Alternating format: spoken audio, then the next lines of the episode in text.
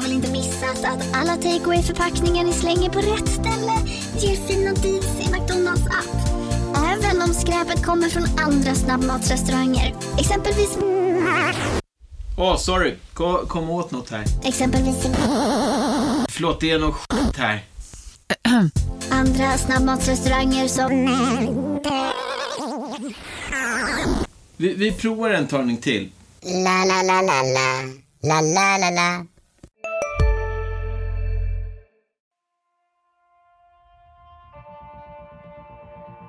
De kan skriva mina citat innan jag ens säger dem. Så Eh, Där har vi en dialog. Vi, vi, vi har ambitionen att det ska vara klart eh, ganska snart. kommer man att se en mycket spännande fortsatt utveckling. Hur vi ska utveckla GIF Sundsvall. Vi, vi, har en spännande utvecklingsresa. Mycket spännande utvecklings... Han var klok nog att välja Sundsvall som nästa utvecklingsmyndighet. Utan det är en spännande lösning. Spännande forward, väldigt spännande central mittfält. Du lyssnar på GIF-podden. I den 85 matchminuten Peter Wilson. GIF-podden är tillbaka med ett nytt avsnitt! Yes! ja.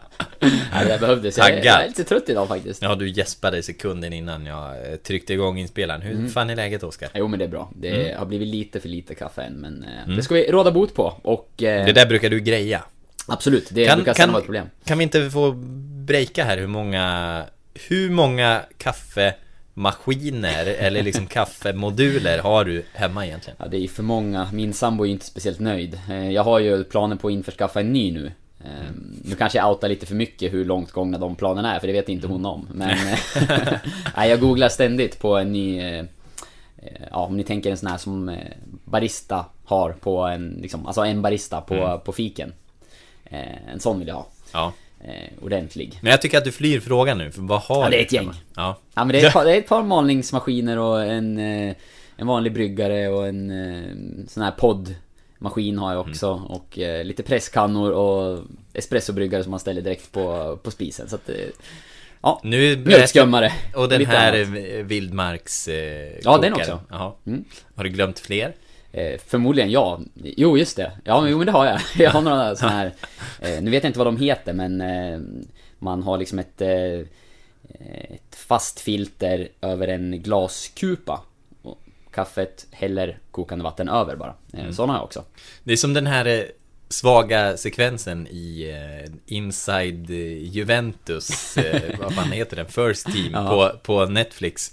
Där eh, Claudio Marchisio berättar hur han kokar sitt kaffe. Det är, det är, ja, men det är poesi. den inside-nivån. Men det är liksom en fantastisk dokumentär. För det är bara vackra människor som gör glada saker. Det är aldrig några bekymmer. Nej, Juventus verkar vara en väldigt välmående förening. En riktigt solig dokumentär.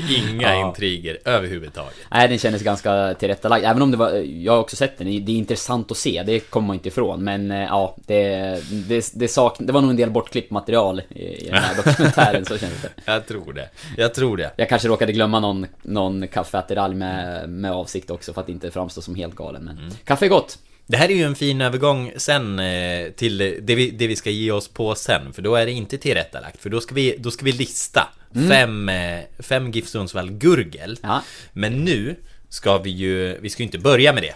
Utan vi, eh, vi ska börja med att vara lite aktuella. Ja. För en gångs skull. Det är väl anledningen till att jag är lite trött idag också, att man blev uppe sent igår efter eh, Ja. lite jobb. Ja, du fick, du fick jobba Mm. med eh, matchen. Jag var hemma med barnen. Eh, ja, vi kommer få vänja oss vid den här bilden i, i framtiden. För på tisdag är min sista dag då som GIF Sundsvall-reporter, eller vad man ska kalla det. Sen är det du som går in och tar det ansvaret och jag förpassas till skrivbordet, in i mörkret. Nu lät det dystert här. Du, Ja, men för livet är lite 2 plus just nu. Jag är, jag är ganska pissnöjd med det här. Vi får se till att vi lyfter den här stunden till ett 5 Ja, plus i alla podden, fall. Sen, podden kommer ju leva kvar. Så Ja. att den är, eh, det här får ju vara liksom glädjeämnet. ja, och du Så kommer, ju- du kommer tillbaka och ska jobba, vi ska jobba nära varann Ja, igen, gud ja. Med, med skillnaden då att du är på mycket giftträningar nu i sommar. Medan jag kanske klipper lite speedway highlights. Mm. Så att det är... eh, Men det är kul när det går bra för andra. Ja. Nej, jag, jag skojar bara. Men, eh, eller ja, mm, lite allvar. Men eh, matchen i, eh, igår Oskar, vad, vad tog du med dig?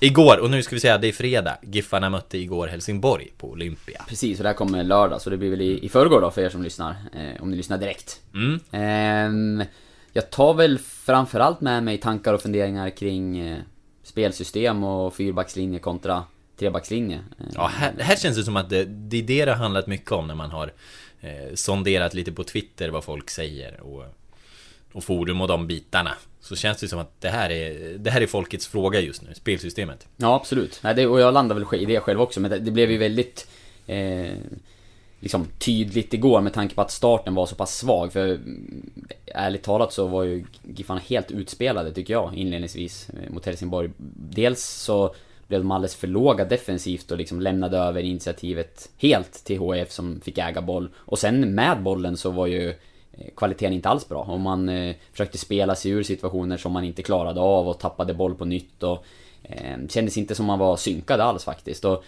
hur mycket som beror på att det är lätt att säga nu i efterhand att det är liksom en systemfråga och det, det är ju inte bara det såklart. Men jag tror att en stor del i varför det såg ut som det gjorde är att man inte är lika van att spela på det här sättet. För eh, jag brukar tänka att om liksom system och så, en stor del med att ha ett spelsystem som man, eh, som man är van vid och som fungerar är ju att i de svagare perioderna i matcher så vet man mer vad man ska göra. Man går lite mer på automatik och man har koll på att eh, ja men det här är vad vi behöver göra för att kanske klara av den här tuffare. För man hamnar ju under press. Falla tillbaka i invanda Exakt. mönster, det som kommer från ryggraden. Precis, och det är det som är viktigt under perioder när spelet inte stämmer. För det kommer ju vara oavsett vilket spelsystem eh, man använder sig av. Det kommer ju vara perioder i matcher då man inte är lika bra. Eh, Men jag tror att varför det blev så pass svagt under inledningen igår är till stor del var för att spelarna är inte lika van att spela på det här sättet. Vi, vi kanske ska säga det om det var någon som, som Om det är någon som har missat det i början Att Giffarna verkar ha fallit tillbaka på det här Fyrbackslinje Spelar man nu I försvarsspel ser det ut som 4-4-2 Ja. Egentligen Precis. eh, I anfallsspel, vad skulle vi säga? 4-2-3-1 Ja, någonting Typ. ditåt. Det Ja. har väl sett lite olika ut också i några av de här matcherna beroende på vad de har velat liksom Mm. utnyttjat för, för ytor i, i, i anfallsspel. Och det är väl Labra, alltså Linus Hallenius har ju varit en anfallare Mm. hela tiden. Men sen är det väl lite hur man har använt kanske Peter Wilson, Oliver Berg, ja, i lite olika roller. Men ja, någonting sånt. Men framförallt försvarsmässigt, att det blir en fyrbackslinje istället för tre centrala mittbackar och så wingbacks då som kommer hem i en... Vilket kan bli en fembackslinje ibland, när man Mm. spelar på det sättet som man främst gjorde förra säsongen.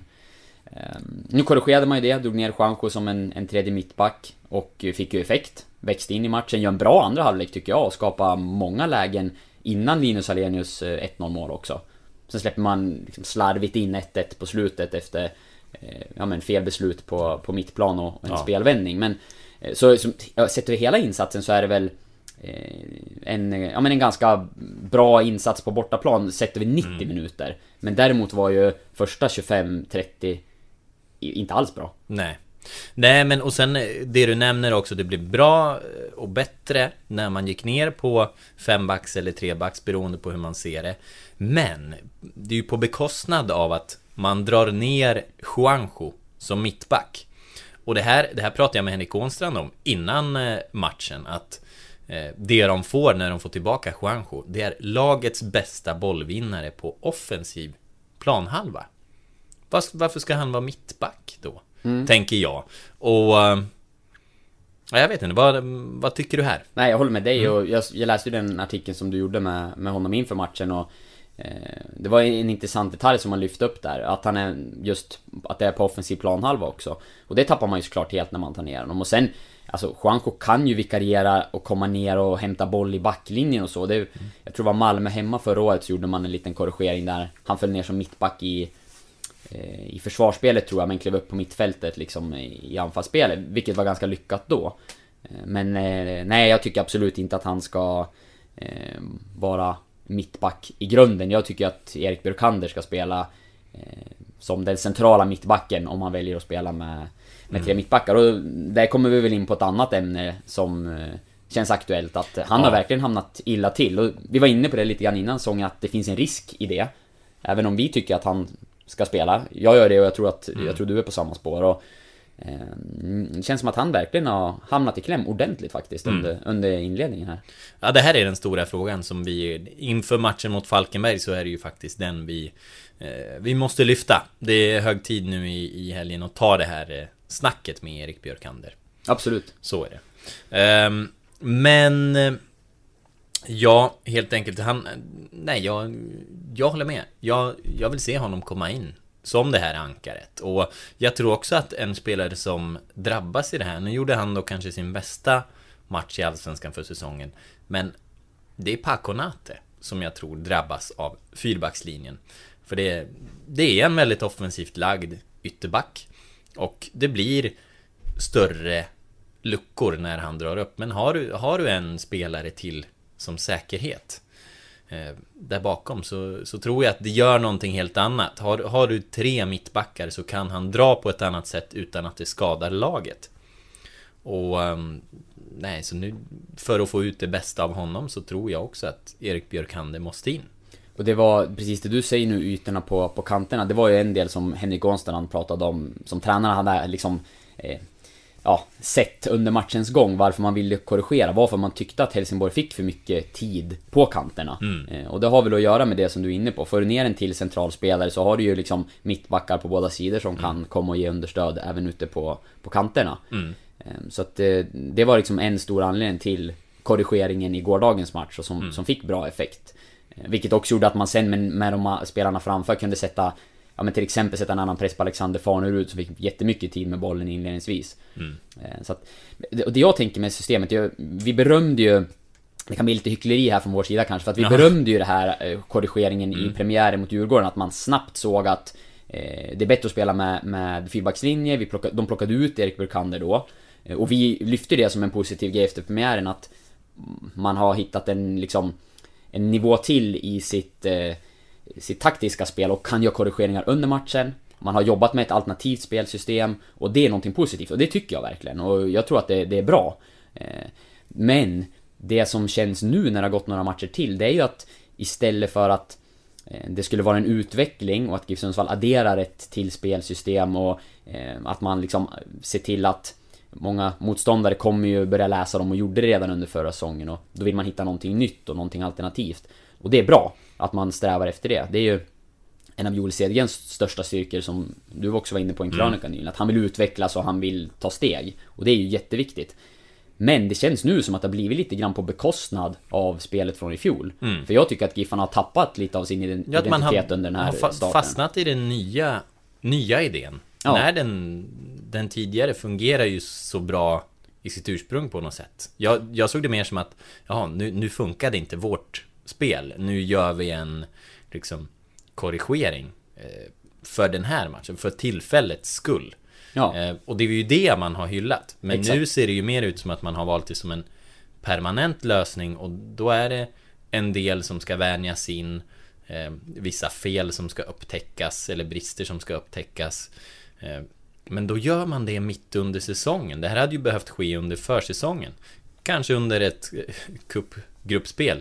Eh, Men det- det hade behövt ske under försäsongen.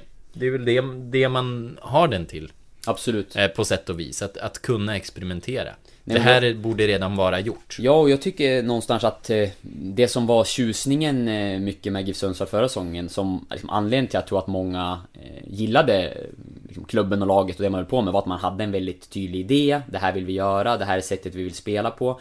Jag vet att spelarna gillar det, det har man ju hört många gånger. De liksom älskat sättet att spela på och hur man jobbar. Eh, nu säger jag inte att man har skrotat det, för det, det har man ju inte, utan det är klart att det här är ju någonting som tränarna ser som en, process vidare och utveckling och det är, som vi var inne på, det är bra men jag, jag kan någonstans tycka att man har gått lite för mycket ifrån ändå det som var bra i fjol och det som gjorde Giffarna till ett så pass liksom underhållande och, och bra fotbollslag. Eh, Och justerat för mycket.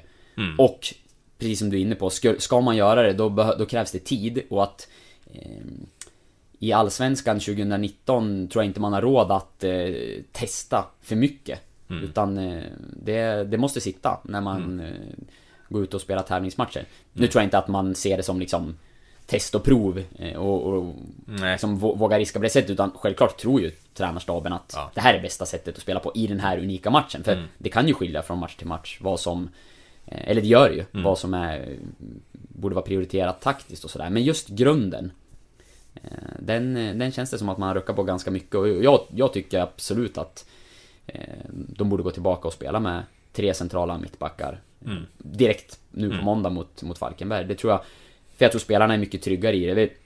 Det kan man också utläsa av eh, både Henrik Ånstrand och Linus Alenius eh, citat efter matchen. Jag snackade med båda dem igår. Och båda var ju inne på att när vi gjorde ändringen så, ja, vi kändes tryggare och alla visste vad de skulle göra och det är det sättet vi har spelat på över lång tid och eh, vi har inte lagt lika mycket tid på det här nya eh, med fyrbackslinje och, och, och att det kunde bidra till hur det såg ut. Och för mig då så, eh, ja men, då, då bör man ju gå tillbaka till det man känner sig säker och trygg i. För nu är det Ja. väldigt viktig match som kommer och en viktig del av säsongen. Förut när man pratade om eh, KEYS, Keep It Simple, det gamla begreppet, så var det liksom att falla tillbaka till 4-4-2. Men i Giffarnas fall så, så är det det här tidigare spelsystemet med trebackslinje. Eh, ja, motsvarande tre- 3-4-3, eller vad man vill kalla det. Ehm, det är det är det nya svarta. Det, det är det nya enkla. Ja, men alla som Eh, var det, med det förra går, säsongen det i går att falla fall. tillbaka till. Och möter man ett lag som Falkenberg som dessutom är lite svagare Då tror jag att man, man kommer tillbaka till sitt gamla spelsystem Det, det borde vara så nu Mm. Ja, men jag tycker det finns... eh, Ja, det finns många anledningar Mm. till att man borde göra så. Och, eh, då kan jag tycka, Björkander, om vi kommer tillbaka till honom, att det är ju en spelare som har varit med i liksom, processen och i det här spelet som, eh, som Giffarna har odlat fram. Och han vet ju exakt vad som förväntas i den rollen om han spelar eh, där han brukade förra säsongen. Eh, Så då kan jag tycka att det, det är ytterligare en anledning. Om man vill hitta en trygghet nu och känner att man har fladdrat lite grann, vilket indikationerna ändå var igår. Då, mm, då tycker jag det är ytterligare en anledning till att han borde få starta och komma in och stärka upp i den där backlinjen. mm. Förlåt, väldigt Elena Lövholmskt av mig att podda med tuggummi Jag ska... Jag har inte reflekterat över det Nej, faktiskt. vilken, vilken tur. Det kanske märks mycket i mikrofonen. Jag hoppas inte Diskret det. tuggande. Ja, men eh, jag ska lägga av med det. Någon jag tyckte gjorde mm, en bra match igår, det var ändå David Batanero. Ja, vilken passning. Mm. Vilken passning. Herregud. Och han, eh, ja, han blixtrar ju till och gör dem där. Och um, jag pratade lite med honom, eh, var det dag, ja, dagen före match? Och eh, frågade honom om det här liksom, upplever du att du har hårdare bevakning? Och sa, ja, kanske, men jag spelar på en och två tillslag hela tiden, så det spelar ingen roll. Och har de fyra killar på mig, om då har vi fyra andra killar fria liksom. Så, ehm, så det spelar ingen roll. Och när jag hade det i åtanke någonstans och kollade på hans spel så, fan, han ser inte så hämmad ut. Någonstans så har han ändå det här Han rör sig runt i de fria luckorna Spelar på en och två tillslag och håller ett flöde i Giffarnas spel eh, Som är liksom, Han spelar ut en viktig roll Ja, verkligen. Och sen när han väl får lite för mycket tid eh, Sett ur motståndarlagets eh, perspektiv Då kommer de där bollarna Och det räcker med att han lyckas slå tre sådana på en match Så har han gjort egentligen en perfekt match sett till hans roll och hans synvinkel. Och eh, nej, jag, jag tyckte han gjorde det riktigt bra. Jag, jag, jag tycker han var riktigt bra. Jag håller med, jag tycker, man är ju... Kanske att eh, både vi och andra har varit lite tuffa mot honom. Samtidigt som försäsongen såg inte jättebra ut utan jag tycker att han, han var några snäpp ner då. Sam- men förväntningarna har ju liksom blivit väldigt höga med tanke på det han presterade förra säsongen. Eh, Men som du säger, tittar man på matchen igår hur han löser många situationer, det är små chippar ut när han är pressad och han spelar på en ett och två tillslag.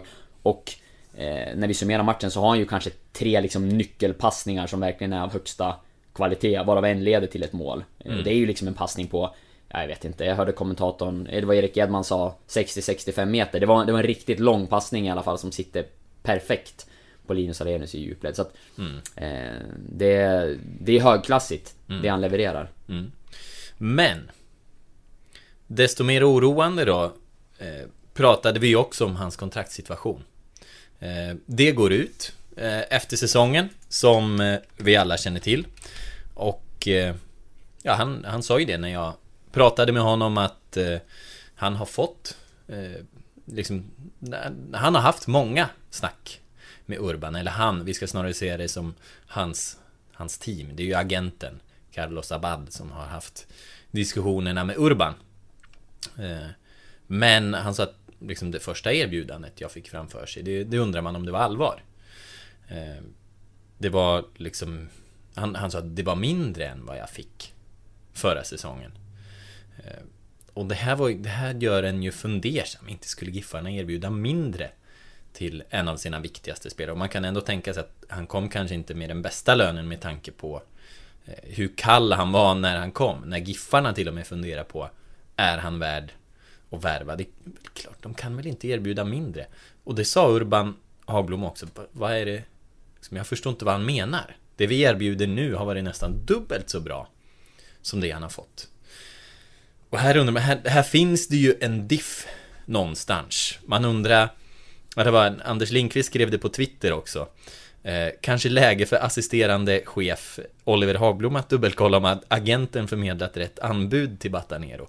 Och det här undrar man ju också. Är det någonting som äts upp på vägen eller varför är det så här? Jag försökte, jag kollade med Urban.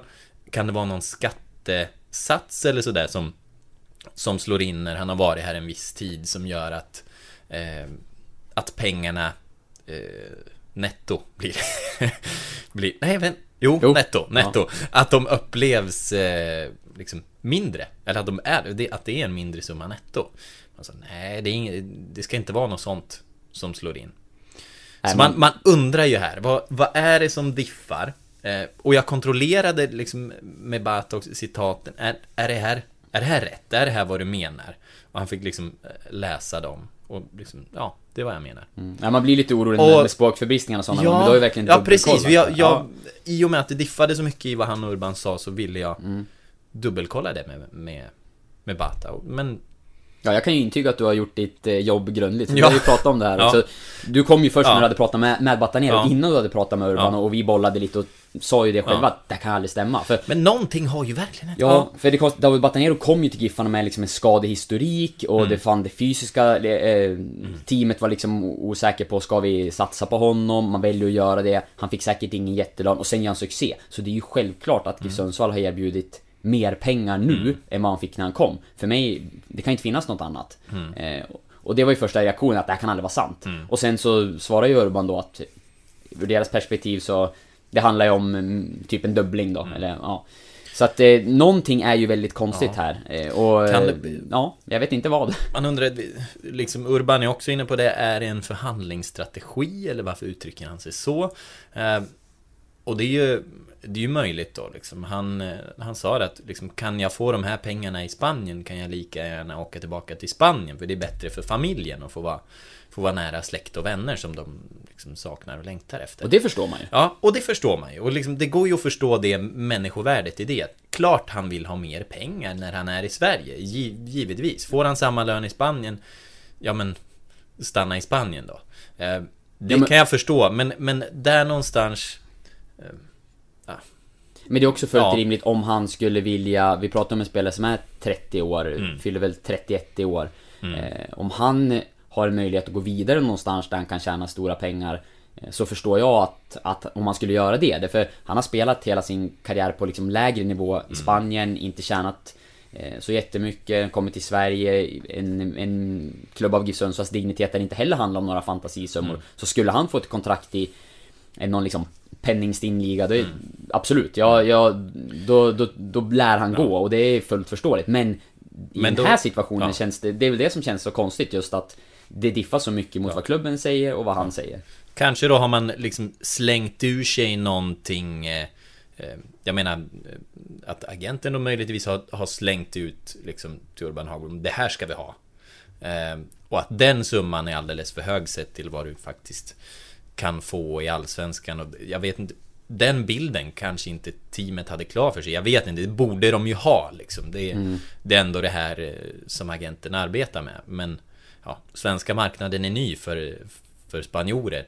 Så att det man hoppas för ja, David Bataneros skull, det är väl att han vi, har vi fått... spekulerar. Ja, verkligen. Mm. Och vi kan inte göra annat. Men, men vi har ju pratat med de inblandade. Det jag hoppas för David Bataneros skull, det är att han får de, åtminstone de korrekta siffrorna framför ja. sig. Så att han vet vad det är han, han tar ställning till. Så att mm. det inte sker någonting på vägen som gör att mm. eh, det budet som kommer från Giffarna eh, inte liksom mm. kommer till honom 100%. För det, så är det ju nu att Sportchefer mm. pratar med agenter, det sitter inte direkt med mm. spelaren och sådär. Och, mm. eh, ja, Jag vet inte, Ja. hade jag varit Urban Holm kanske jag hade gått ner och, och, och Tagit snack. tagit snack med, med Batanero Ja. själv. Men det, Ja. det, är- ja. Nej, för det, är- det är... eh, Nej, men det är ju någonting där som är... eh, Så det, det blir ju en, verkligen en, som jag skriver, det, det, det är en stor klyfta mellan dem. Och samtidigt så låter det ändå på Batanero, han säger "Vi- jag skulle kunna spela många år här, men ja, jag, jag måste också få skäligt betalt. Men jag vet inte. Det finns ju också spelare, här, här vet man inte vad, vilken rådgivare eller vem liksom ingjuter eh, mod och liksom talar om för spelaren vad han är värd och hur stor påverkan har den personen. Eh, ja. Sen är det ju det man, det man ska också ha med sig i de här eh, när, när det kommer till kontraktsförlängningar och silly season, att det, det är ju ett spel och Mm. det är klart att du var inne på det tidigare, är det förhandlingsteknik eller Mm. taktik liksom och det kan vara från båda håll. Mm. Eh, Vi vet ju inte vad summorna är egentligen. Nej. Är det en fördubbling av kontraktet eller är Mm. det snarare en liten höjning Mm. som i David Bataneros eh, kalkyl då kanske blir en minskning för att det tillkommer andra kostnader. Mm. eh, Jag vet inte. Alltså, det är ju alltid liksom... Det är inte så enkelt som att det är... Här hade du 50 000 och nu, nu är det 100 utan det finns ju säkert många sätt att Mm. räkna och se på det. Du Mm. nämnde skatter och familj och om någon, en sambo har ett jobb eller inte. Alltså det, det är väl en totalbild Ja. antar jag som man hela tiden Ja, och sen... ser eh, utifrån. Sen... Jag tror förmodligen så hade ju inte GIF Sundsvall velat att det här skulle bli en... Liksom en mediediskussion, att det skulle vara ute så. Eh, Och Urban... Urban frågade mig innan han nu uttalade sig. Liksom, kommer du... Men kom, kommer ni skriva om liksom, hans, hans kommentar? Kommer ni säga det? Ja. Ja, men då... Då måste ju jag svara såklart. Mm, Annars, annars framstår det liksom... Ja, annars framstår ju han på ett sätt. Ja.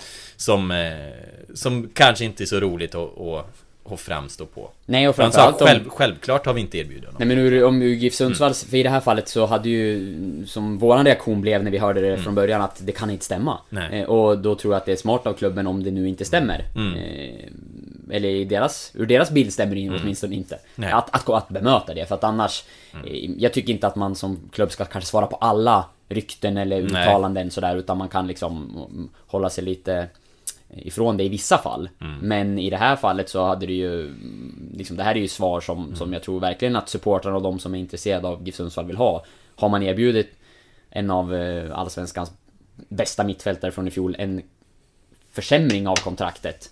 Eh, då, då har man ju i så fall eh, använt sina pengar felaktigt. Ja. För i så fall kanske man skulle ha valt att inte värva någon spelare men för att istället kunna höja hans avtal. Ja. Så att det tycker jag är rimligt att, han- att man går ut och bemöter och, och svarar Ja. på. Ja. Nej, det är...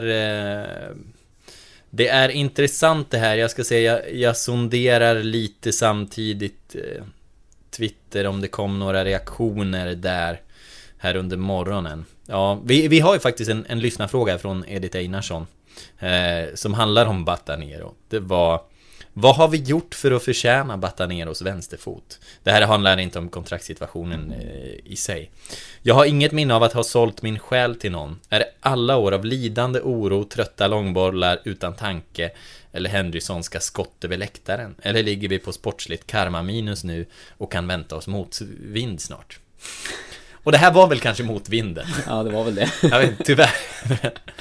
En, eh, ja, en, en fint ställd eh, fråga. Ja. Den är, den är ju fantastisk. Det är den. Och Ja. ja, nej, jag, jag tror ju att... Ja, nej, det...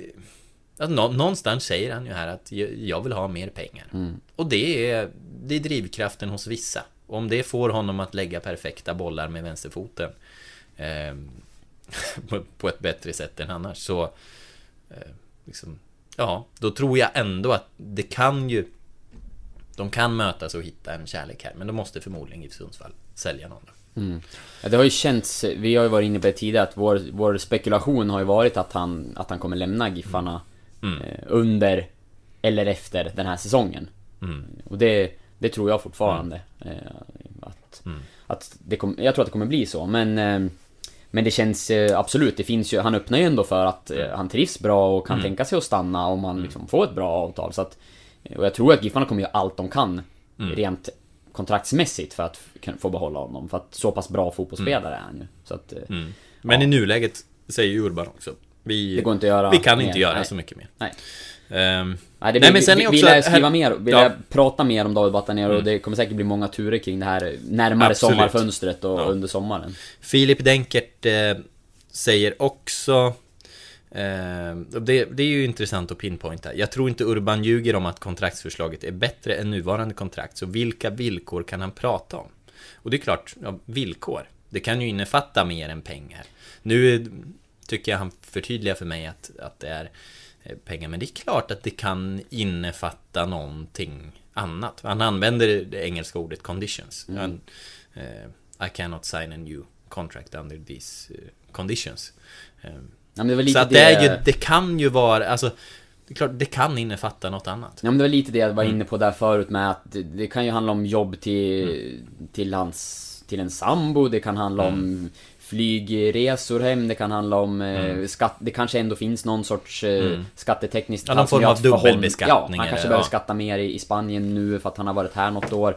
Mm, Vi vet ju inte allting bakom liksom, så det skulle ju kunna vara Mm. så att GIF Sundsvalls bud, de pengarna de behöver betala ut är Mm. klart mycket mer än i fjol, men att han trots allt eh, inte får ut Mm. mer på något sätt. Det, det låter eh, inte så, för du har ju försökt ta reda på det också just Mm. när det gäller skatterna och eh, om det finns andra delar. Men eh, det skulle ju kunna vara någonting Mm. sånt som, eh, som spelar in då i alla fall. Mm. Men eh, ja, För jag vet, jag vet att Urban är liksom insatt i skattefrågorna, försöker liksom eh, lära sig och sondera. Det är, det är inte så enkelt som, som man tror.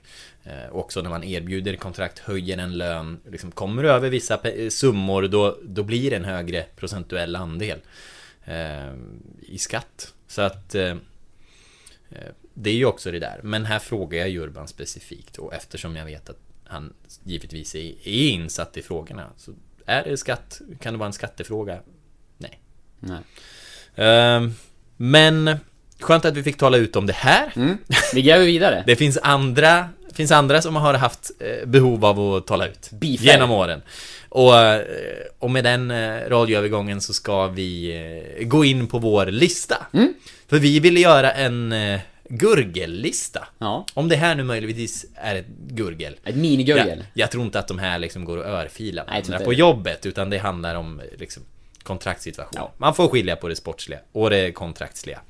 Men eh, vi, vi ville lista några gull, fem minnesvärda GIF. Gurgel. Mm. Och här får ni ju gärna bidra på hashtag GIF-podden eller skriva till oss om ni kommer på några fler gurgel som vi kan lyfta fram. Men vi, vi lyfter fram några här i, i fikarummet Ja, som, vi vi, som vi kommer ihåg. Vi bytte ju ämne ganska kort in Ja. på podden. Vi hade en annan tanke, men sen i och med att, ja men vi tyckte ändå att det fanns ju Mm. åtminstone meningsskiljaktigheter där kring Ja. ett kontrakt. Och då föddes idén hos framförallt dig att eh, du var lite bråk... Eh, I de sekunderna när jag är i luften så är det en kamp på liv och död. I Spotlights serie Vinnarskallarna minns stjärnorna själva de dramatiska svenska sportögonblicken. Hör Anja Persson berätta om när hon kraschade i OS-backen, men reste sig igen. Jag ville vinna över berget. Vinnarskallarna, nytt avsnitt varje fredag. Sök efter podden Spotlight. Hej, Synoptik här. Så här års är det extra viktigt att du skyddar dina ögon mot solens skadliga strålar. Därför får du just nu 50% på ett par solglasögon i din styrka när du köper glasögon hos oss på Synoptik. Boka tid och läs mer på synoptik.se. Välkommen! inspirerad här på morgonen. Så att eh, du ville gå in på, på Sån- Görgel. Och jag tycker det var bra. Det, det, det kan bli en rolig lista det här. Eh, Ja men det kan ändå det. Sen eh, minnesvärd på något sätt. Mm. Och eh, ja. Alla är inte alltid överens. Nej. Och det är väl härligt. Ja, ja det, det är härligt. Fan, inte ens, inte ens alltid vi är överens. Vi är inte heller perfekta. Nej, men det är sällan, Men- det är sällan vi har Gurgel ändå. Det kanske Ja borde- faktiskt, just kanske- du och jag har ju inte haft gurgel. Ja det är ju nu då när jag ska redigera speedway och du ska... Som jag har gjort nu med. ja då är det min tur. Ja. Ja, tillbaka in i mörkret där jag kommer ifrån. Men... Eh, kort paus för trumvirvel då. Fredrik Holster, Oskar. Ja, vilken spelare. Kommer du eh, ihåg hur det var med Fredrik Holster? Ja, det gör jag. Eh, Jag kommer först och främst ihåg hur, hur bra jag tyckte att han var. Mm. Eh, Det var en spelare som jag fastnade för direkt där och eh, Han hade ju såklart sina brister också men det var ju en, en lirare med Mm. härlig teknik, blick, tillslag. Eh, Som bjöd på några spektakulära Ja, både mål och passningar här på Idrottsparken. Eh, men- Nästan som en dåtida Batanero. ja, nästan. Ja, Nyköpings Ja. Batanero. Nyköpings Batanero. Ja. Eh, nej men... är, det är sportchef han är va, i Nyköping? Ja, han har ju någon roll där nu va? Ja. Ja. Bissarna. När man håller på, eh, ja, bli sportchef. Mm.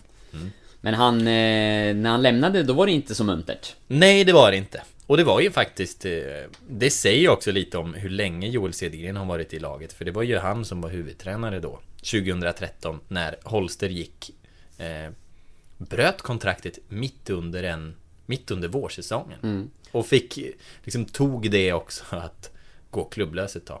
Ja, Istället var för att tjura på fram till sommaren. Ja, och ur GIF Sundsvalls perspektiv så var det ju ett ganska, liksom, eh, uppseendeväckande beslut med tanke på att Mm. det var ju en spelare med stor försäljningspotential som man Mm. såg bara eh, kort tidigare, säsongen innan egentligen Mm. var det väl, som eh, han verkligen levererade.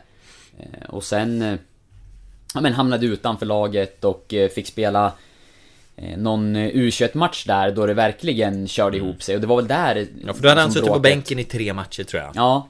Och då var det väl någon kastad tröja när han blev utbytt i en Ja. U21-match eller Ja. någonting åt det hållet. Nu, jag Ja. kommer inte exakt ihåg alla turer, men jag vet att det var en schism kring en U21-match i Ja. alla fall. Och det var ingen av oss som riktigt såg den Nej, matchen tyvärr. tror jag Men hon har fått det berättat för sig Och sen inför då den kommande matchen eh, Minns jag att jag såg på träningen att han kommer inte starta den här matchen heller Eh, Jag stannade kvar länge på träningen för han stod och bollade väldigt länge med eh, de yngre spelarna, undrar om det var Granit och Mehmed? Han ville ju Gra- Granit undvika dig Mehmed han stod där-. Ja. du stod där med Ja handteckningsblocket. men de, de körde någon, någon variant av gris Fast en, en förbannat hårdhänt gris Man la liksom i princip volleyskott till varandra Skulle man ta emot och slå tillbaka Ehm, Och Nej men då, de gjorde det länge, jag väntade länge, en halvtimme. Jag hade inriktat mig på att nu, nu är det Holster jag ska prata med. Ehm, Och efter eh, my, mycket, det, det var ju liksom Rent journalistiskt var det ju värt att vänta på Och lyssna på. Ehm, För han var ju Han var ju väldigt kritisk och väldigt kritisk mot U21-serien Ehm, Och att till och med i liksom de de, de citaten då liksom som, som han fick kolla så eh, sa han ändå att fan, jag, jag springer hellre i Sidsjöbacken än att spela i U21 igen. Eh, och eh, då kan vi säga att Holster är ju inte någon som gillar att springa. Eh, och det här blev ju, det här blev ju början på uppbrottet någonstans. Han... Eh, nej, han, han... Han var sjukt förbannad. Han lackade ur. Helt enkelt. Han lackade ur. Och eh, någon dag senare bara så bröt de kontraktet. Jag googlade faktiskt fram nu när vi, när Mm. vi pratade, för jag var på Expressen under den här perioden Mm. eh, och jobbade där. Och nu hittade jag en artikel som jag har faktiskt skrivit tillsammans med Daniel Kristoffersson som vi nämnde Oh, här. eh, ja. Där vi har skrivit lite grann om, om turerna bakom Holster och eh, Enligt uppgifterna vi hade då, då så grundade det sig till stor del hur han skulle användas också, vilken roll. Ja. Han ville vara mer offensiv och, och Ja, de hade tränarna ju- ville använda honom mer i försvarsspelet. Det var ju när Adam. Shenofi kom in och han hade ju mer av, av det eh, Att ingå i pressspelet än vad Fredrik Holster hade. Precis. Och sen också att det, det, eh, det kulminerade när han blev utbytt Mm. tidigt i andra halvlek i en u match och Holster kastade matchtröjan mot bänken. Mm. Eh, Och han ska också ha liksom, riktat kritik mot, och det var framförallt Joel Cedergren tror jag som han hade de här Mm. dispyterna med då. Eh, Och sen, eh, ja, sen valde de att, att bryta med honom. Mm. Men det här, det här citatet jag hade, ett av citaten jag hade från honom Det var något med Sidsjöbacken minns jag. Ja, det var Sidsjöbacken Som jag eh, nä, nämnde nyss ju Ja, Men, men eh, Sorry. Han sa Det är en skitbra serie om du är under 20 och inte spelar Men för mig som varit med ett tag är den totalt värdelös Vi möter fruktansvärt dåliga spelare Då kan jag lika gärna träna eh, Det har han också klargjort från dåliga spelare. jag skriver, det har han också klargjort för klubben. Citat. Jag har sagt till att jag hellre tränar ett extra pass med Pelle och springer i ja, Pelle precis, Ljungström, ja. fystränare. Ehm, nej, och så sa han, min roll som tia har försvunnit. Eh, Vi spelar inte som de säsonger jag har gjort här, tycker jag. Om, om det är för att det är nya tränare eller vårt självförtroende kan jag inte svara på. Det, gör, det, det är en sågning ändå. Ja, det är Självförtroende. Ja, nej men och sen sa han ju att Adam, Adam är bättre på den positionen. Men sen- också, det ska man väl lägga till då att eh, i efterhand så, så har han ju, Fredrik Holmström, ångrat sig lite grann. Eh, och sagt det att han, att han hade kunnat hantera det på ett annat sätt när han var i Sundsvall. Han gick Mm. vidare till, det var väl Mm. Azerbajdzjan han hamnade i. Eh, Ja. Vad hette de? Rav, Ravan? Rajan? Ravan hette de. Mm. Eh, Men att, eh, ja, det var nog synd. Jag tror Dels en bra spelare som Giffarna hade kunnat haft användning av och för hans egen del så tror jag att eh, han hade förmodligen tjänat på att vara kvar Mm. i Sundsvall. Mm. Men det, ja, synd att det blev som det blev. Det var en spelare som när han var på topp var riktigt, riktigt bra. Mm. Fantastiskt när man springer på honom. Vi har faktiskt haft honom klar för podden, men han blåste av i sista sekund, sen har vi inte lyckats boka om det. Vi kämpar på, för det är honom vill vi prata med. Ja, absolut. Absolut. Och han... eh, Nej, som sagt, han kanske kan se tillbaka på det nu, för han... Det är en kille och människa som har mognat. Och han var, han var glad att se oss också i, i Nyköping. Och eh, man har kunnat liksom, höra av sig till honom och surra och, och hälsa lite. Det är en fin kille. Absolut. Faktiskt. eh, ska man komma ihåg när man har det där eh, bråket i åtanke. Ja. För det är fler Eh, som har bråkat. Det är fler som har bråkat. En annan... Eh, ja, vi, vi börjar med, i min ordning, den jag har framför Mm, mig. Ja, paus för trumvirvel. Eh, Roger Risholt. Ja. Är nästa man till rakning. Och det här var ju också... Eh, det här var ju också en som jag eh, väntade på. Tyckte jag hade eh, väldigt bra... Eh, här, här kände jag att nu, här, här kommer det vara någonting. Och eh, mycket riktigt, det var ju när GIF Sundsvall åkte ur eh, Allsvenskan. Klara för Superettan och eh, ja, år 2012. Och eh, Roger Risholt stormade först ut ur omklädningsrummet därifrån. Eh, jag, jag sprang efter honom, stannade honom i dörren. Eh, för att ta pulsen på honom och han var ju i... Han var, han, han var svinförbannad och då riktade han ju allting mot Sören Åkerby. Risholt hade startat 13 matcher på den säsongen, mest hoppat in och gjort, ja det var väl inte ens alltid långa inhopp. Och det här var ju han väldigt, väldigt kritisk mot och han sa att att jag skulle aldrig spela med Sören Åkerby som tränare ens om vi eh, spelade i Champions League. Och det var ju liksom, det var ju det citatet som satte sig. Men... Eh, nej men alltså liksom... De spelar inte med bästa laget för jag är inte med. Var i princip budskapet han, han förmedlade. Ja, och det man ska komma ihåg med Roger Isolt också, det var att det där, hans eh, liksom eh, person, starka personlighet och lite konflikt med tränaren började ju väldigt, väldigt tidigt. Jag söker i arkivet nu och ser att jag skrev en, eller gjorde en intervju med honom när han var helt ny. Han blev sittandes 90 minuter i, på bänken då, i premiären mot Öster. Eh, och fick göra en match i U21-serien. Det är alltså första matchen i GIF Sundsvall, då sen han hade anslutit till laget Mm. kort där innan. Mm. Eh, och han var direkt missnöjd. Eh, jag fick ett ganska bra citat då också efter den där U21-matchen. Jag minns hur det var. Han blev utbytt, duschade, sen kom han ut liksom i spelargången där och såg delar av andra halvlek nerifrån planen. Och jag klev ner från läktaren och, och gjorde en intervju på en gång. Han säger då, eh, efter alltså en match på bänken, att sitta 90 minuter på bänken mot Öster, det är för mig en gåta. Ehm, och så kommenterar han insatsen som laget har. Det är för dåligt, man går inte till Allsvenskan om man spelar sådär. Eh, och jag frågar om han blev förvånad att han spelar på sidan. Förvånad, besviken, förbannad. Eh, det känns fel. Och så säger han också att Tror du att du får spela på fredag då? Frågar jag. Och då svarar Risholt, som skulle möta Assyriska. Om man spelar med bästa laget så spelar jag. Mm. Ja, och den det, och då, du pratar Ja. alltså om en, ett nyförvärv som har suttit en match på bänken. Så Ja. att det skulle leda till att han inte ville spela i Giffarna med Sören Åkerby som tränare, oavsett om det var Champions League. Det kanske man kunde ana där och då. Vi, vi måste ringa Roger. Ja, det är ju karaktär. Ja. Jag har faktiskt pratat med honom ett antal gånger efter att han lämnade Giffarna också. Det är en jättehärlig, eh, jättehärlig person att snacka med. Mm. Eh, rolig, trevlig, men med starka åsikter. Mm. Eh, och stor tro på sig själv också då, i, det här fallet. Mm. Men det var också en bra spelare, tycker jag. Och han Mm. bidrog på många sätt när han väl spelade. Men eh, Eh, ja, Ja, det är nog ingen spelare man ska ha som en, som en truppspelare kanske som, som sitter på sidan, det är tydligt. Nej, han sa det. Vi åker ur på grund av en dålig manager. Ja. Raka rör. Ja, raka rör. Undra, undra om de har eh, liksom snackats vid efter det här Sören-Åke. Nej, vi kanske ska bjuda in dem samtidigt i någon Ja. sorts eh, poddsamtal. Ja, Eh, några sådana här. Det kanske är en bra uppföljning på de här, eh, den här listan. Jag vet att har. Lisolt har varit lite TV-expert i Norge här också. Mm. Det, det, den potentialen ser man ju, eller man förstår ju det när man Mm. läser de här citaten att det kan komma kanske en och annan sågning där Ja. i, i norsk TV. Så att han passar nog bra där. Mm. Han passar också bra i hatt. Ja, okej. jag kommer ihåg att han gjorde det. Ja. Eh, och bar hatt ibland. Ja. Ehm, vi tar oss vidare. Ali Hagigi. Eller Ali Reza Hagigi. Mm. Här är... Det här blir din spelare i sammanhanget. Ja, han var ju inte här så länge så att eh, man hann ju inte ha så mycket med honom att göra. Det första liksom, det kändes ju som en... eh, Och det var förra säsongen. Förra säsongen, ja precis. Det kändes ju som en lite... eh, Men vad ska man säga?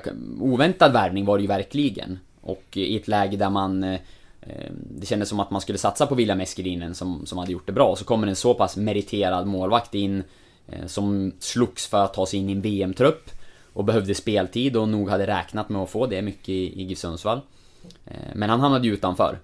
Eh, Och Eskelinen konkurrerade ut honom och det, det gick ganska snabbt Så var han eh, riktigt besviken. Och det, det här liksom kom, drogs väl till sin spets inför, nu minns jag inte vilken match det var. Jag tror jag eh, tog fram det här någonstans. Men eh, det var eh, BP som skulle Mm. mötas. Och då eh, var inte Hadidji med. Det var Eskelinen som skulle spela och eh, som det har liksom framställts då, eller vad vi har hört, så, så rök han då ihop med, med tränarstaben och lämnade liksom eh, i besvikelse efter att ha fått reda på det här. Hur var det? Hade, du hade varit på plats? Jag var här? på den träningen, men eh, han var, han var borta. Jag kan faktiskt ta fram den artikeln här. Jag vet att Mm. jag pratade med Med, serien medan du tar fram den så skulle jag kunna säga det då att när jag träffade William Eskelinen här för några veckor sedan hemma eh, hos honom och pratade lite om just det här med Hagigi så frågade jag hur, hur kommunicerade de med dig runt det här? Eh, och då sa han ju det också att nej men det var aldrig något snack om att det liksom skulle vara en konkurrens på det sättet utan de, de trodde på mig och eh, liksom skulle ge mig chansen först. Så att han skulle ändå få sin chans. Han, han hade behövt spela ur sig ur laget i princip. Så att eh, jag vet inte, nå- någonstans lyfter man väl eh, kanske in honom som en, ja, en så säker backup som möjligt. och där- Men man visade ju att man i längden tror vi på William genom att ge honom chansen först. Och han släppte ju inte den. Liksom. Nej, han, där han klarade väl, det där. Nu vet inte vi vad, vad Alireza har fått höra, men, Mm. men förmodligen är det så att han har en bild av att han skulle komma hit och spela. Och där kan man ju ifrågasätta GIF-ledningen då kanske, hur Mm. kommunicerade man det här? Ja. Hemlighöll man lite grann situationen för honom för att Mm. få honom, vilket Mm. är säkert är vanligt när det gäller liksom förhandlingar och att man... Ja, det måste ju vara en förhandlingstaktik det Exakt. också. Men i det här fallet så ledde det ju till en så stor Mm. besvikelse att det blev ingen bra situation i truppen. Mm. Han blev förbannad. Eh, jag ser också nu att det var i vår livesändning efteråt som, som Joel Cedergren berättade att truppen inför matchen, att 16 klev in som andremålvakt istället då för Alireza. Mm. Eh, och han skulle ju såklart egentligen ha varit med som backup. Mm. Men eh, som... Nu är det inte det här några bekräftade uppgifter, men han ska ha lämnat då eh, den där träningen liksom i, och varit, ja, besviken såklart då över Mm. den petningen. Och sen fanns han ju inte med. Och så gick man ut eh, dagen efter, efter matchen tror jag det var. Eller om vi skrev det åtminstone under matchen till och med, enligt uppgifter att nu bryter man med honom. Och så blev Mm. det. Eh, så att han tog helt enkelt inte att han blev petad. Och då ville han lämna och klubben valde att riva hans kontrakt. Eh, Så att det var ju liksom en, en besvikelse över sportsliga situationen som eh, fick honom att koka över. Vet du var han spelar nu? Nej, det vet jag faktiskt inte. Jag har sett några, lite bilder på Instagram sådär i efterhand, men jag har inte sett vilken klubb han är. Inte jag heller, tänkte jag. Ingen alls, eller? Säga. Nej, enligt eh, Transfermarkt och Soccerway så står han utan klubb. Okej. Fortfarande. Så jag vet inte. Vad, vad har han gjort på, på Instagram? Det är ju en... Ja, det är inte så många fotbollsbilder jag har sett. Det här är ju väldigt, det är ju väldigt intressant. Det här är ju ett öde också man skulle vilja forska i. Mm. Vad hände efter det här? Vi kanske tänk om, tänk om det här uppbrottet liksom kostade honom eh, nästa klubbadress. Han var, måste ju ändå ha varit lite het efter att han lämnade AFC. Mm. och hade gjort en bra säsong. Jo, ska man sätta sig in i hans perspektiv så kan man ju tänka att han såg vid GIF Sundsvall en skadad Tommy Naurin, Mm. en ung mål oprövad eh, Mm. målvakt i William Eskelinen. Han kommer in som rutinerad landslagsmålvakt med siktet inställt på en VM-trupp. Eh, och eh, får inte chansen i hans eh, värld då, och, och, eller tar inte plats. Jag förstår att det fanns en jättebesvikelse hos honom över att inte få speltid och missa det VM som man kanske hade som sitt mål. Och ta ett till steg i karriären. Eh, Jag tror att han, i hans värld så var GIF Sundsvall en korttidslösning, få spela mycket, chansen att visa upp sig, kunna slå sig in i VM, gå till en ännu större klubb. Istället så ledde det till raka motsatsen. Mm. Så att, det- att det till slut kokade över kan man ju förstå. Sen hanterade han det väl inte eh, hundraprocentigt och såklart med tanke på att det, det blev som det blev och det var ju ändå liksom Ja, känslor där då efter den där sista trupputtagningen då han inte var med. Eh, Men eh, ganska naturligt känns det som någonstans i efterhand att man valde att gå skilda vägar och eh, En värvning som GIF Sundsvall med facit han inte borde ha gjort. Ja, så kan vi säga. Men hade han, hade han fått spela VM då hade det blivit en fin Ja, bonus i alla det fall. skrev vi om då Ja. i samband med det där. Det fanns pengar att hämta Ja. för Giffarna. Det, det kanske var en baktanke också med att ha honom i truppen. Agent står det, det är ju förmodligen firman då, men Agentur Asfalt. Intressant. Bra namn. Bra namn, ja. Ska vi eh, ta oss eh, vidare eller har vi något mer på Ali? Nej. Och här har vi någonstans en... en eh... Jo, nej men Smile. Suljevic. Ja. Här, han bröt ju kontraktet. Eh, den gode Smile. Nu vet vi att han, han spelar i Syrianska. Han hade den här kontroversen när han tillhörde ÖFK, var utlånad till Dalkurd och skallade Imad Khalili. Han har eh, ju frikänts, men vi kan ju ändå konstatera att det faktiskt eh, hände. Eh, men även i GIF Sundsvall så eh, fanns det ju vissa omständigheter som gjorde att man bröt kontraktet. Och vad... Känner du att du har bäst koll på läget, Oskar? Eh, nej, vi- jag vet inte hur bra- pass bra koll vi har på läget överhuvudtaget. Det har ju liksom Nej, inte... det här är ju det intressanta. Här har man ju ändå lyckats med hyggligt med eh, dimridån. Mm. vad, vad hände? Precis, och det är, vi har ju liksom varit i kontakt med eh, både klubben och, och med Smile själv i efterhand och pratat och sådär, men Mm. inte fått ut så mycket mer. Nej. Eh, än att eh, man, man gjorde bedömningen att det var bäst både för honom och för laget att, att man bröt kontraktet här. Och det är ju Mm. trots att det var en spelare som... Som Urban och- Hagblom skulle säga, en totalbild. Ja, ja precis. Eh, och som Joel Cedergren trodde jättemycket på. Alltså Mm. man såg väl Smile Suljevic som en liten oslipad diamant med, han hade ju hög potential. De såg nog Batanero-grejen i honom. Jag tror det. Mm. Och helt ärligt, den, den finns ju där. Mm. Det har man ju sett i, i hans bästa stunder så är det ju en spelare som har egenskaper som, som få andra har.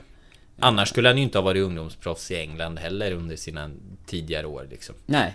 Och det har väl varit andra saker som har gjort att han inte har slagit igenom och det, var, det är väl också det antar jag Mm. som låg till grund för det här uppbrottet. I hans fall tyck, känns det... eh, Ja men det känns liksom tråkigt för det är ju en spelare som Giffarna hade kunnat haft stor nytta av och som de la ganska mycket tid på. Mm. eh, Under han, liksom den sessionen han hade här och han tog ju också steg. Mm. Blev, förbättrade sin fysiska status och eh, fick väl en kontraktsförlängning om jag inte minns helt fel här. Eh, Och man tyckte att han var på, på väg åt rätt håll liksom.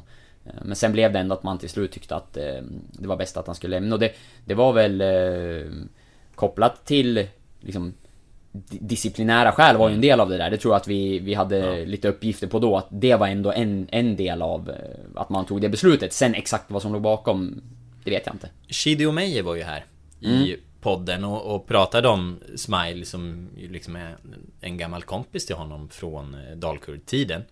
Eh, och han sa ju att eh, ja, men Smile skulle kunna bli hur bra som han skulle kunna spela i eh, Premier League. Men kunde relatera till sig själv och liksom sin ungdom, hur han fick välja bort eh, vissa umgängen liksom för att lyckas. Umgängen som inte var gynnsamma för hans fotbollskarriär.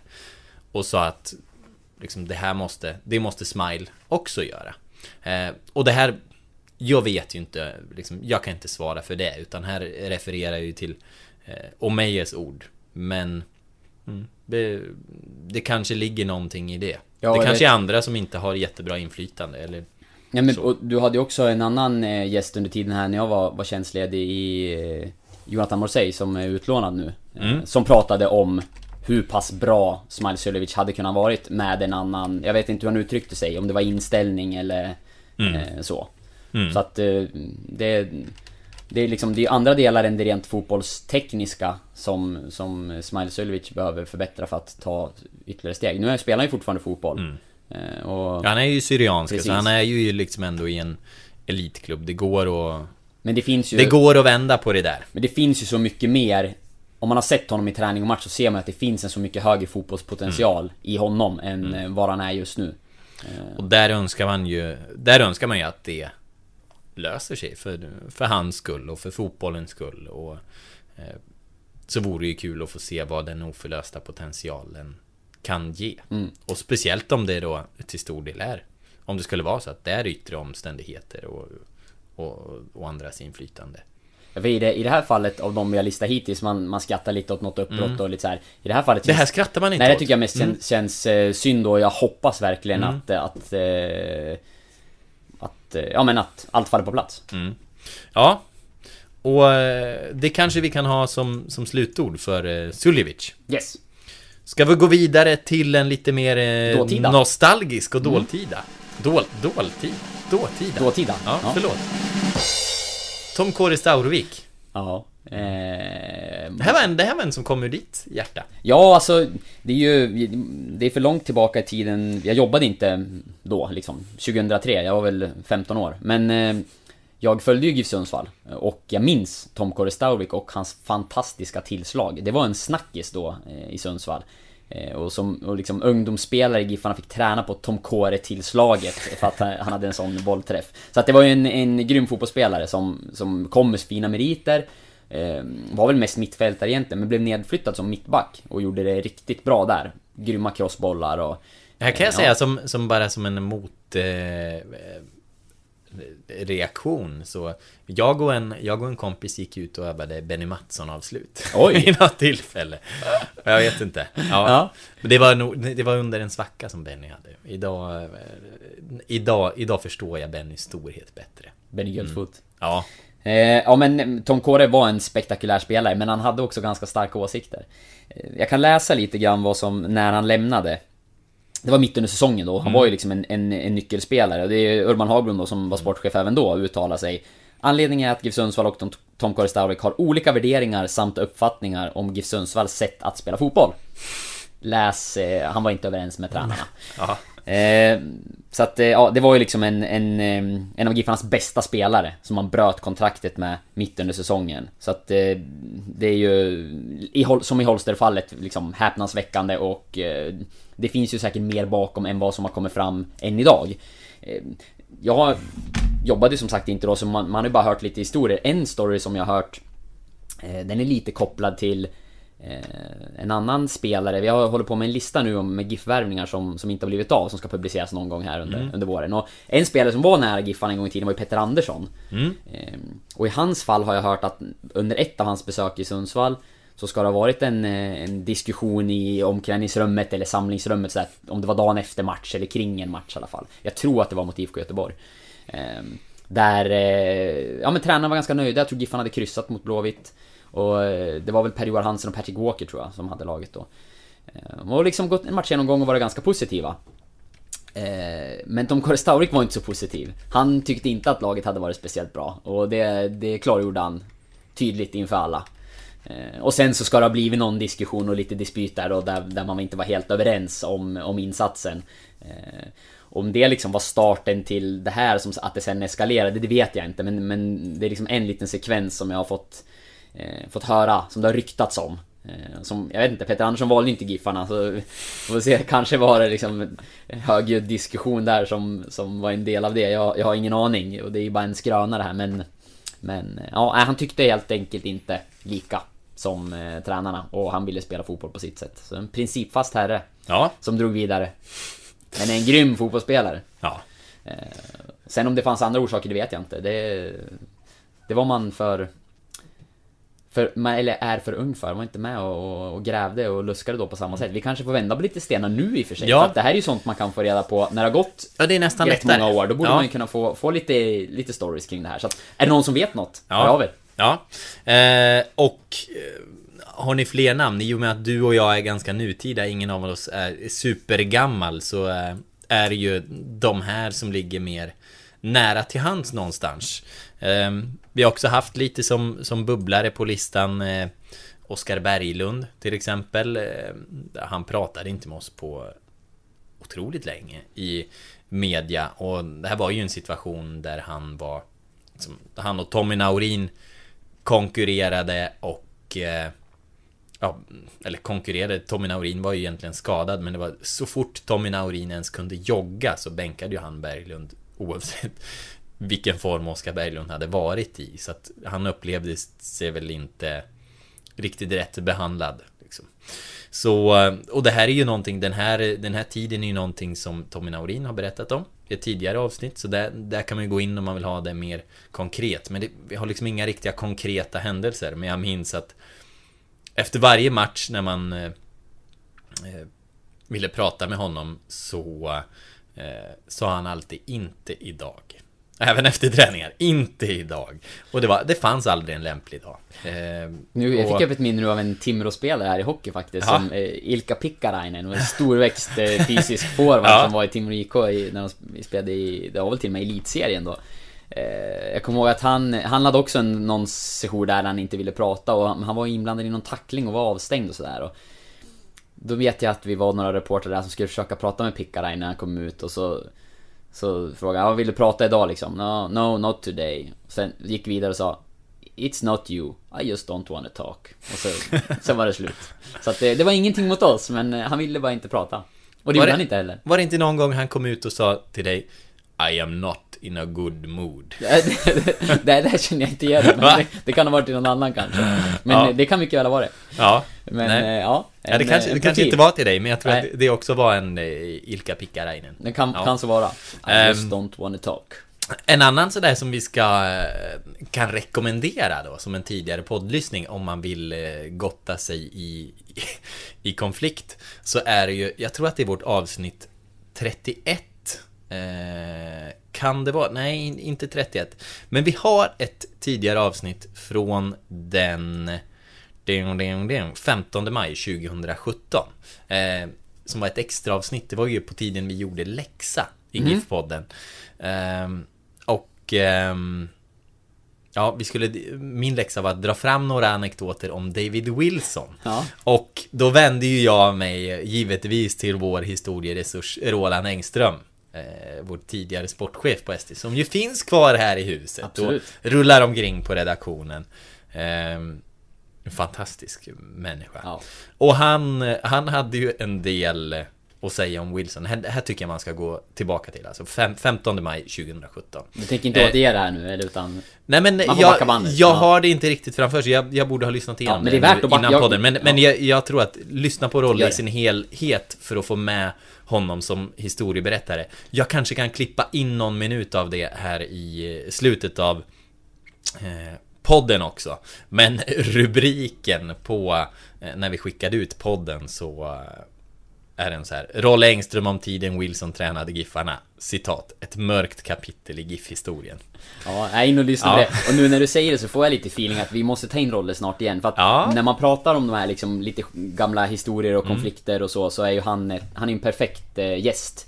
Mm. Eller expert att bolla in för att eh, han... Eh, han har varit med länge, han har koll på historiken och liksom har varit i hetluften och jobbat kring många av Mm. de här händelserna som, som folk minns. Så att jag tror vi kan eh, Mm. hitta något läge och, och ta in honom en, under en del av ett avsnitt här framöver där vi kan eh, ja, få ut lite av Ro- Roland Engströms eh, kunskapsbank, för den är stor. Ja, nej men det finns eh, Det finns en hel del på På eh, Wilson där Mm. och eh, Ja, bland annat en, en historia om ett busskort Ja, Just det. så in och, in och lyssna på det Ehm, Men med det Oskar tror jag att vi är ganska klara För Absolut. den här veckan Så känns det. Och rundar av ehm, Om sju dagar kommer en podd ut med Kane Dotson som gäst Sen har vi avsnitt med oss och sen har vi Roger Fransén.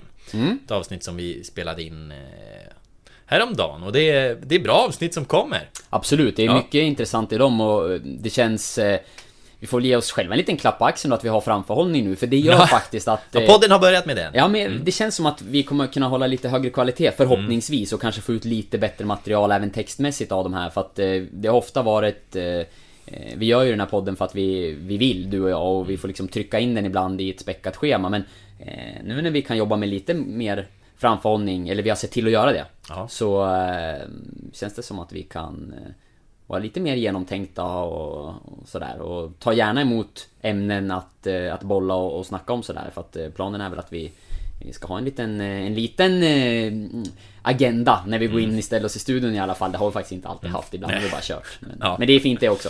Ja, men så hör av er, hashtag GIF-podden eller till oss personligen. Det är kanske ännu säkrare höra av, av sig till oss personligen på, på Twitter. För lite diskussion, köta, klaga, gnäll och hylla och allt. Ställ frågor är, är ju trevligare. Men eh, med det som slutord Oskar, kan väl du gå och redigera lite speedway? Det ska jag göra. Trevlig helg. Ja, hej!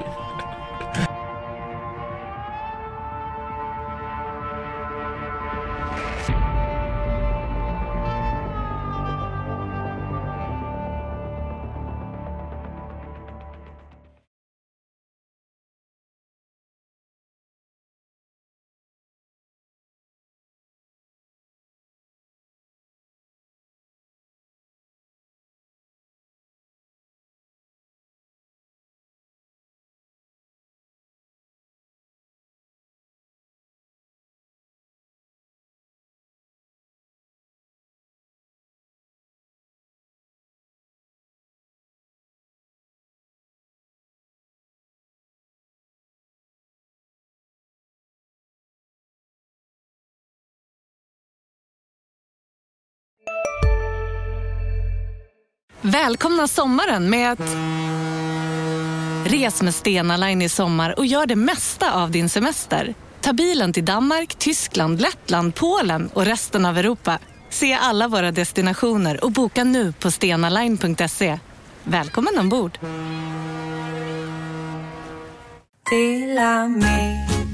Hej! Är du en av dem som tycker om att dela saker med andra? Då kommer dina öron att gilla det här. Hos Telenor kan man dela mobilabonnemang. Ju fler ni är, desto billigare blir det. Skaffa Telenor familj med upp till sju extra användare. Välkommen till någon av Telenors butiker eller telenor.se.